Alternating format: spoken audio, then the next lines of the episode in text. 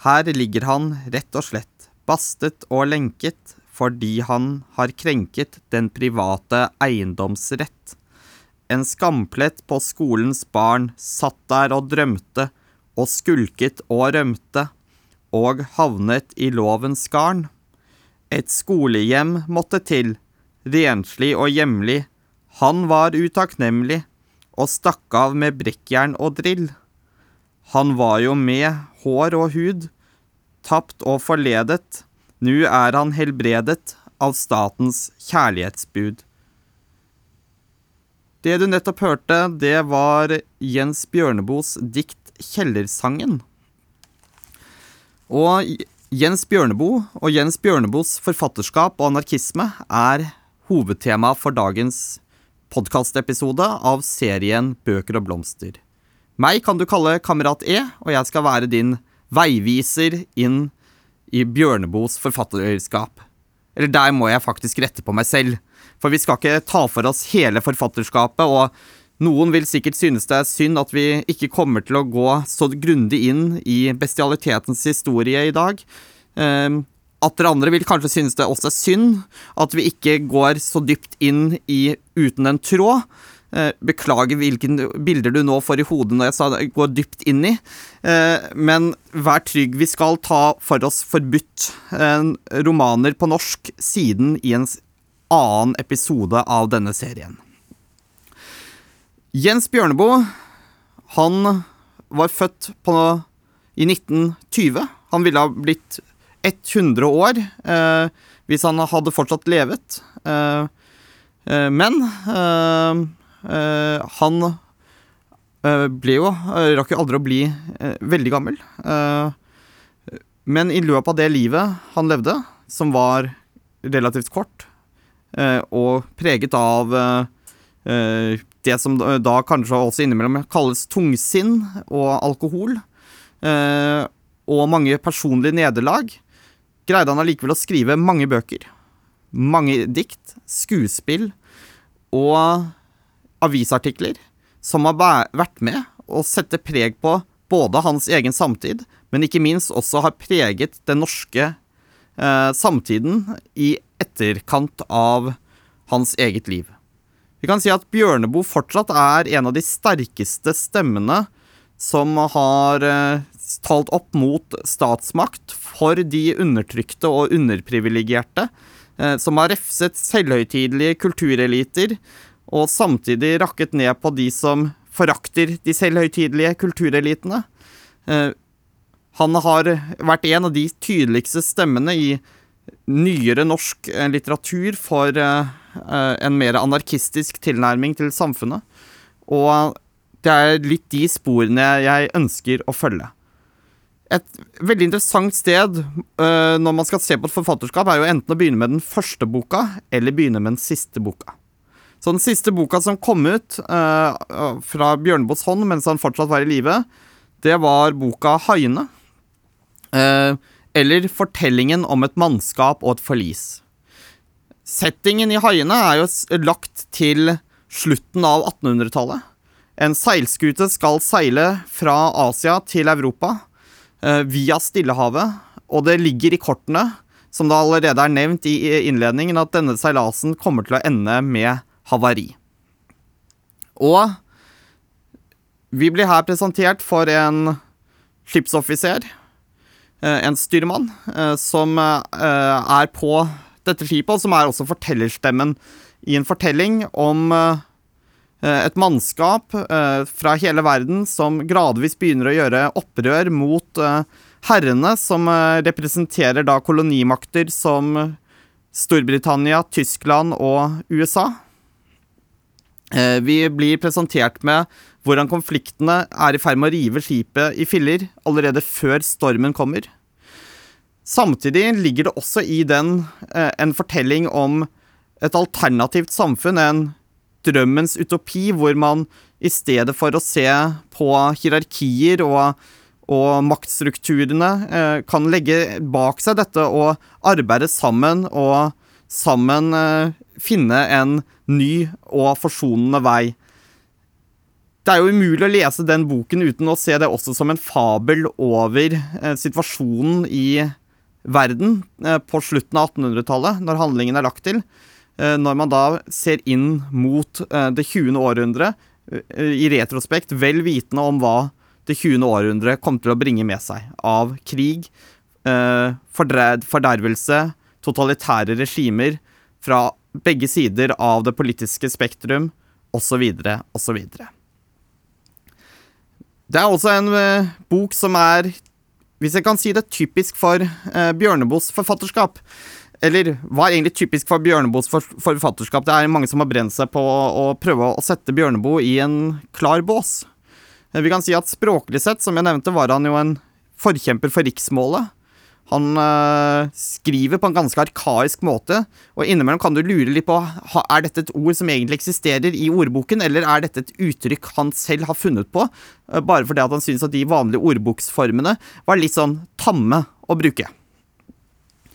Men øh, språkstilen er jo også preget av ofte korte, lettfattelige setninger, og med, som gir et følelse av av drive, som gir et følelse av dynamikk i teksten.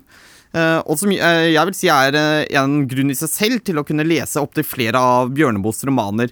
Dette er romaner du ikke legger fra deg, du blir lett fanget inn i dem, og i de miljøene som skildres.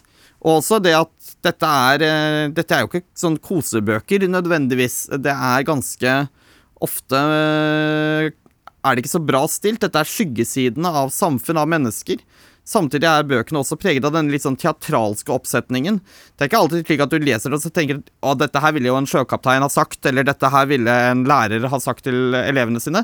Nei, mer det du forventer mer av et teaterstykke hvor alle har sine klart definerte roller som de går inn i, og du blir presentert for et teaterstykke nesten på en litt sånn, om ikke brekt, øh, måte, hvor du øh, får på en måte forklart en historie for deg med et åpenbart budskap, eller, som i ofte var tilfellet med Bjørneboe, flere tvetydige parallelle budskap som gjerne kan gå i flere retninger samtidig. Alt ettersom hvordan du leser det, velger du selv litt hvilken tolkning du skal legge mest vekt på. Men i disse bøkene, og det er jo enda videre på Bjørneboes eh, stil, er jo også å ha med detaljer. Eh, og jeg kan jo driste meg til å lese en liten detalj som da nesten må sies å være en del av Bjørneboes eh, folkeopplysningsprosjekt. Eh, eh, og um, Bjørneboe var jo også interessert i å opplyse folk om spesielt hvordan staten og andre eh, drev og prøvde å villede dem. Her har han nå tatt for seg tauverket og de varene som da skal eksporteres på dette skipet. Og det, på dette skipet her skal føre da Manila-hamp. Eh, men hvor han da retter på en måte på seg selv gjennom fortellerstemmen. Jeg skriver hamp fordi man kaller det det, men manillarep eller manillahamp har ikke det aller ringeste botanisk fellesskap med virkelig hamp. Manillarep spinnes av fibrene fra en bananplante som vokser på øene og er langt overlegent det vanlige ekte hamptau. Men så går vi litt lenger ned og ser neste avsnitt. Ekte hamp, derimot, tilhører fam familien cannabis eh, sativa og dyrkes ikke bare i tropiske områder, men til og med i Europa, og leverer råstoff til grovere tau, sekker etc., etc. I uminnelige tider er hampen blitt dyrket i India. En avart av hampen, cannabis indica, kalles vanligvis indisk hamp, og inneholder et lett narkotisk stoff.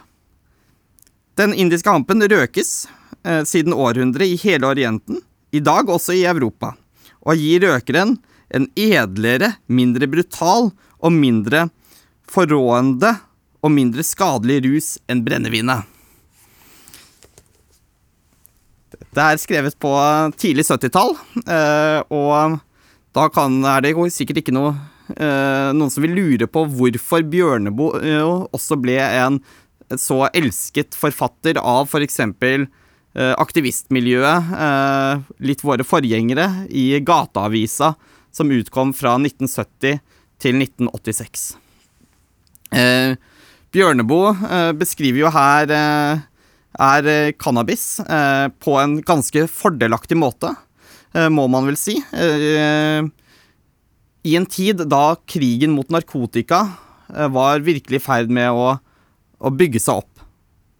Og eh, det er jo også en av de tingene som er typisk med eh, litt Bjørneboes stil, er at han tar tak i og pirker borti en del tabuer i samfunnet for å få folk til å prøve å realisere, eller, eller se selv, da, øh, øh, og, øh, og finne ut av hva som virkelig er, øh, er utfordringene med staten, og ikke minst statens autoritære side.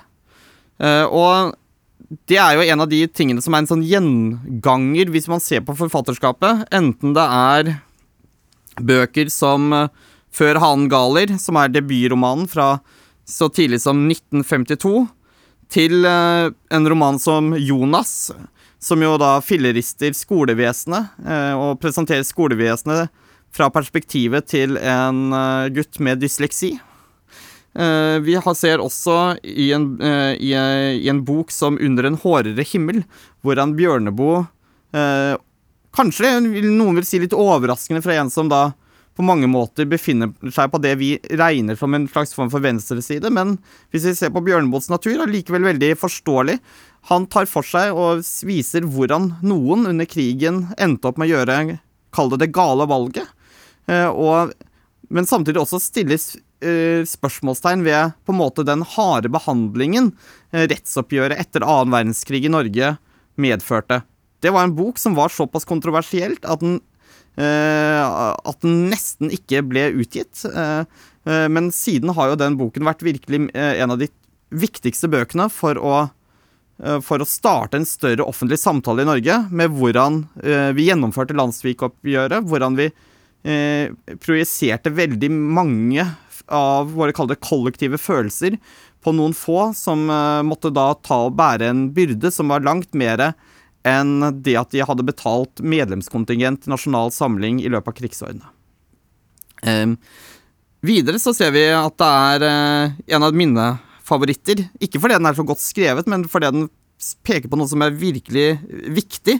Det er jo boken Den onde hyrde, som eh, er en eh, noe så sjelden som en norsk fengselsroman.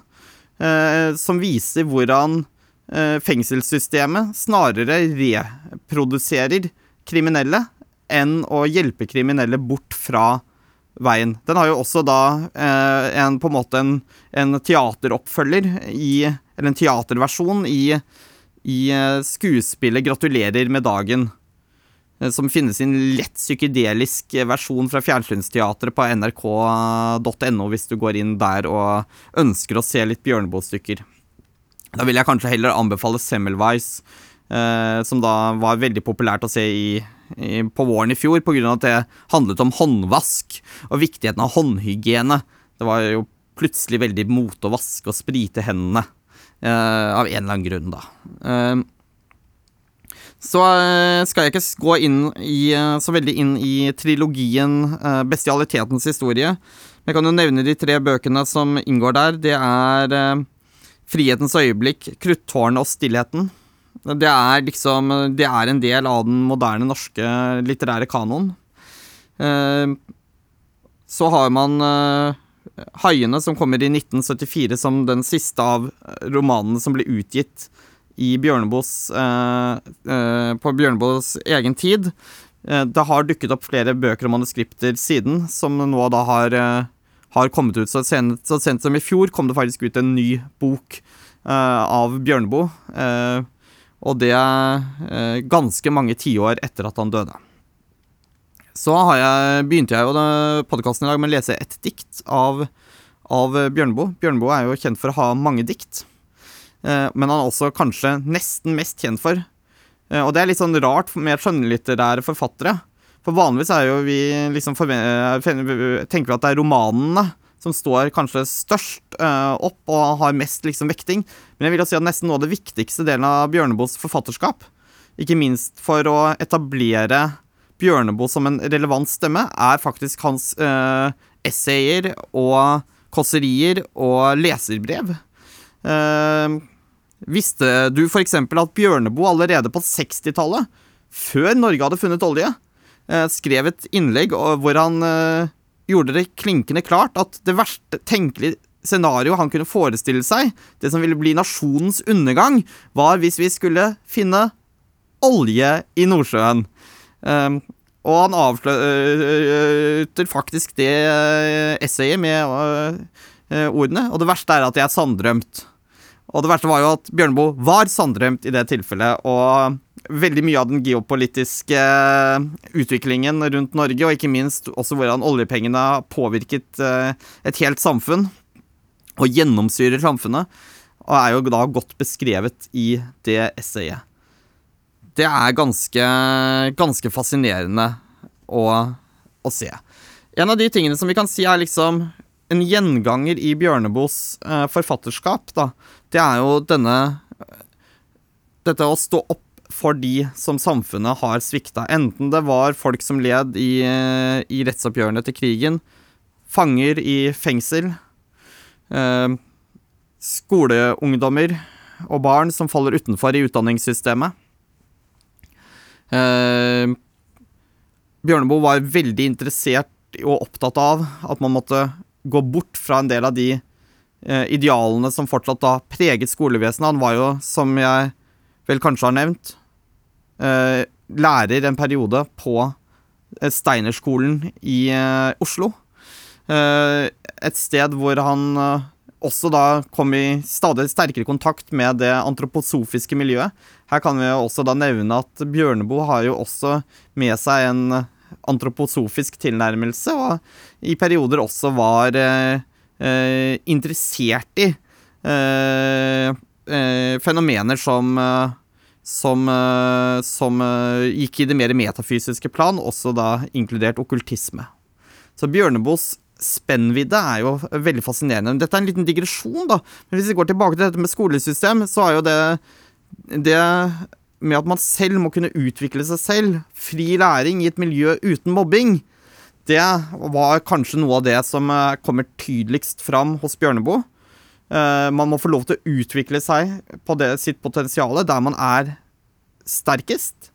Uh, og så må man uh, beskyttes mot skadelige maktstrukturer, og ikke minst også da skadelige maktstrukturer som kommer fra lærere og overlærere og lignende, hvor man da blir prøvd og liksom dyttet inn i en bås, og hvis du ikke innordner deg, så straffes du. Hvis du våger å drømme utenfor. Og der ser vi jo noe som fortsatt er en utfordring, og kanskje burde langt flere lese Bjørneboe igjen, eh, nettopp pga. hans syn på skole. For vi er kanskje nå i ferd med å bevege samfunnet vårt litt bort fra en sånn den mer frie eh, skolen og ansvar for egen læring-dogme, over til et dogme som er mye mer igjen preget av, om ikke pugging, for det er et fy-ord å si, eh, så en mer autoritær retning hvor respekt for læreren eh, igjen har blitt et mantra, samtidig med at vi ikke ser noen tegn til at man faktisk får bukt med problemer som mobbing, lærevansker og andre ting som, som da skjer i skolevesenet. Så kanskje Bjørneboe eh, ikke på ingen måte har utspilt sin rolle, men da 50 år etter igjen kan eh, 50-60 år etter igjen kan representere en viktig stemme inn i skoledebatten som på mange måter er dagsaktuell i dag. Dette var jo bare ett eksempel, og når jeg leser Bjørneboe eh, sin essay, så tenker jeg sånn Dette kunne jo stått på trykk i dag. Uh, Rett nok så er disse navnene på diktatorer, generaler og geriljaledere De er annerledes nå enn det var på 60-, 70-, 50-tallet. Men det er jo fortsatt noe av det samme. Uh, strukturene. Fortsatt så er USA, som Bjørneboe i sin oppvekst elsket.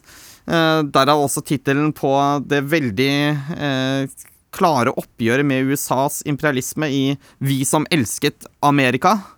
Uh, et nydelig essay. Uh, også veldig tydelig i på en måte den rollen de spiller i verden. Og med Biden nå så ser vi at USA igjen har eh, liksom gått tilbake til den sedvanlige normalen. Og der hvor Donald Trump nesten greide å skape en kald krig med Russland, så har Biden på et par måneder i presidentstolen virkelig skapt en kald krig med Russland.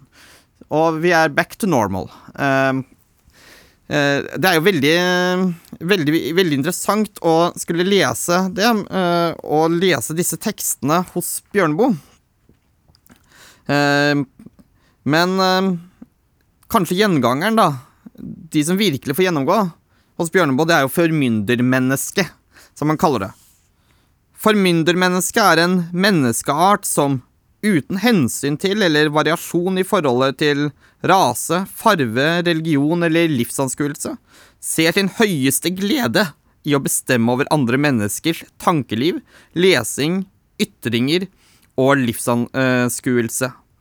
Som det fremgår av betegnelsen, ser formyndermennesket sin høyeste lykke, og dessuten sin aller største dyd, sin moralske overlegenhet i dette og formyndre og formynde andre. Formyndermennesket vet bedre enn vi selv hva som er til vårt eget beste. Derfor vil han bestemme over oss for å hjelpe oss. Formyndermennesket har selv den eneste rett, sanne tro og innsikt. De som mener noe annet, er anarkister, nihilister eller rett og slett uvitende, tåpelige og umoralske barn som formyndermennesket må formynde. Det var ganske klar tale.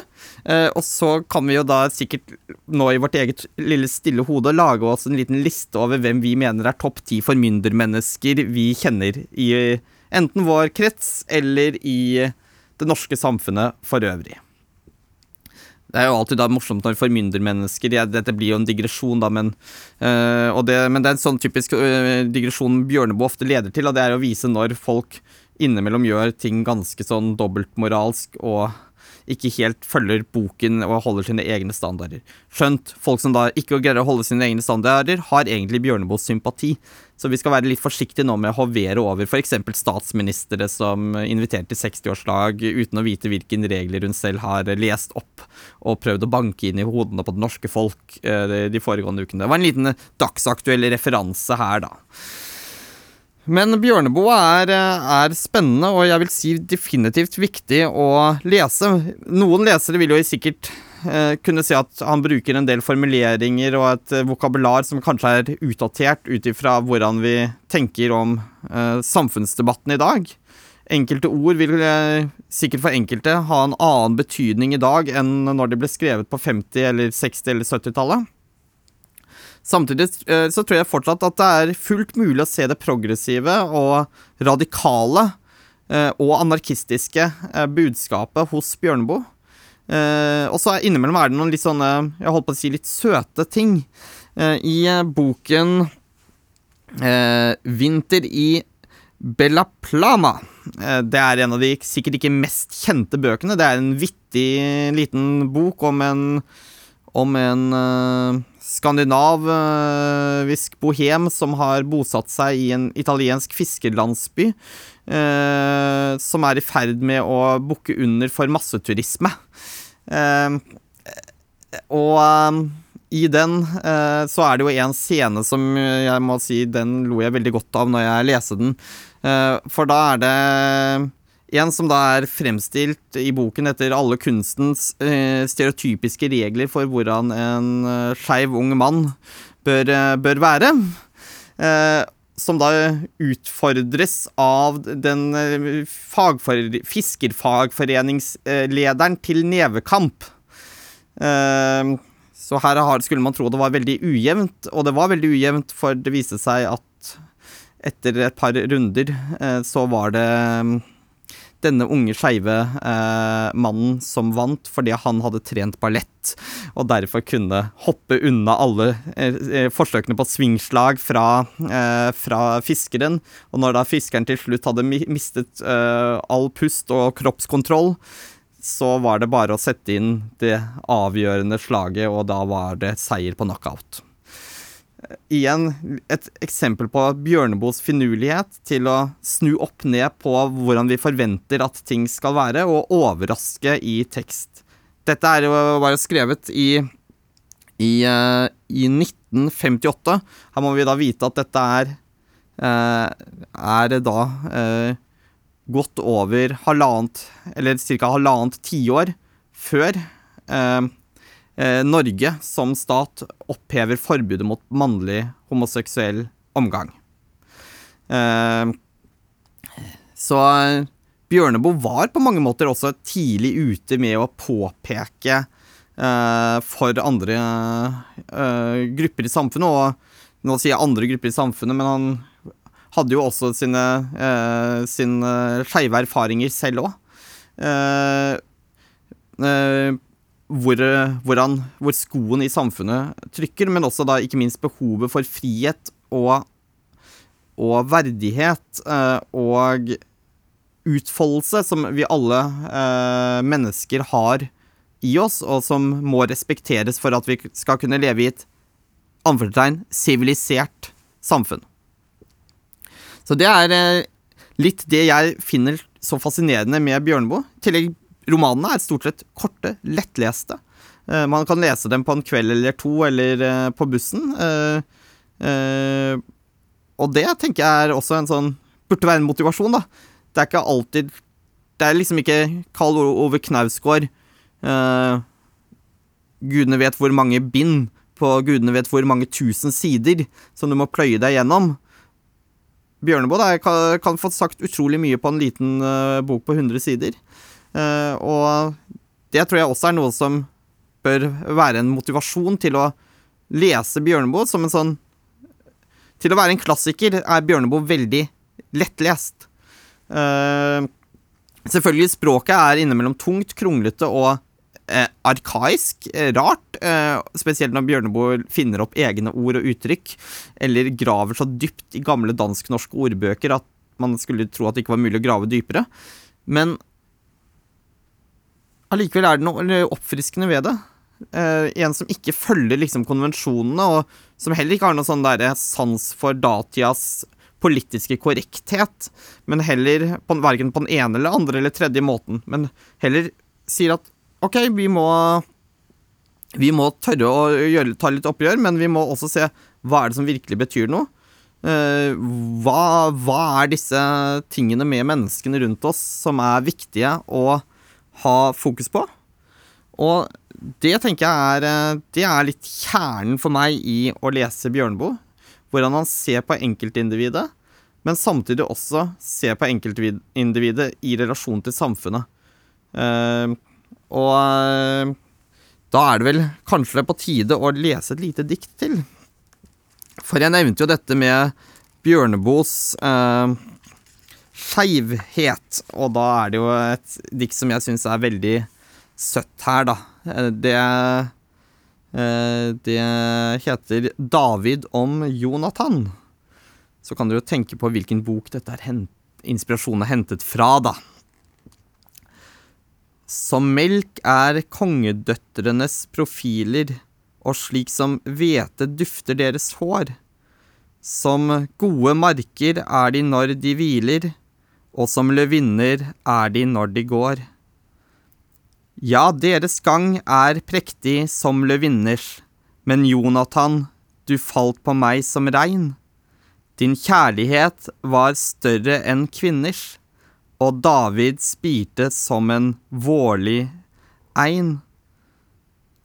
Jeg vokste og ble herlig i vår lek, av kjærlighet til deg, til kongesønnen. Jeg var en vidje og ble en ek, ble selv til konge og mene du var brønnen. Som gav meg kraft og mot i mine lemmer og for å røre ved å se på deg, kom David ofte frem fra sine hjemmer, fra huler, fjell og øde ørkenvei.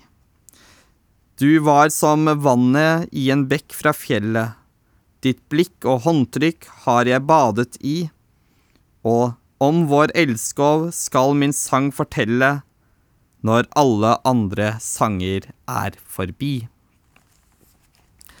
Det var selvfølgelig hentet uh, med inspirasjon da fra Bibelen. Uh, så uh, jeg syns det er på en måte avrunder vår lille halvtime her godt om Bjørneboe. Og som jeg allerede har antydet, kommer vi nok til eh, å snakke mer om Bjørneboe eh, ved en senere anledning. Eh, jeg kan jo også nå røpe igjen at vi jo arbeider med stadig nye temaer og nye ting vi ønsker å ta opp i podkastene våre i Bråkmakeren og på papir. Så hvis du har noe du ønsker, klikk deg inn på nettsida vår, finn e-postadressen og send oss et tips hvis det er noe vi bør ta tak i. Da ønsker jeg å gi en ekstra stor takk til kamerat Felix for uh, å ha assistert meg med å gjøre denne podkasten i det hele tatt mulig. Eh, med teknisk eh, støtte og opptak og redigering. Igjen, hvis du ikke fikk med deg det Han som pratet tull på denne podkasten her, det var kamerat E. Altså meg. Og med det ønsker jeg deg en riktig god påskeferie. Les litt Bjørneboe, da. Og dra til fjellet, men husk, ikke gjør Erna lei seg, da. Hun har det tøft for tida.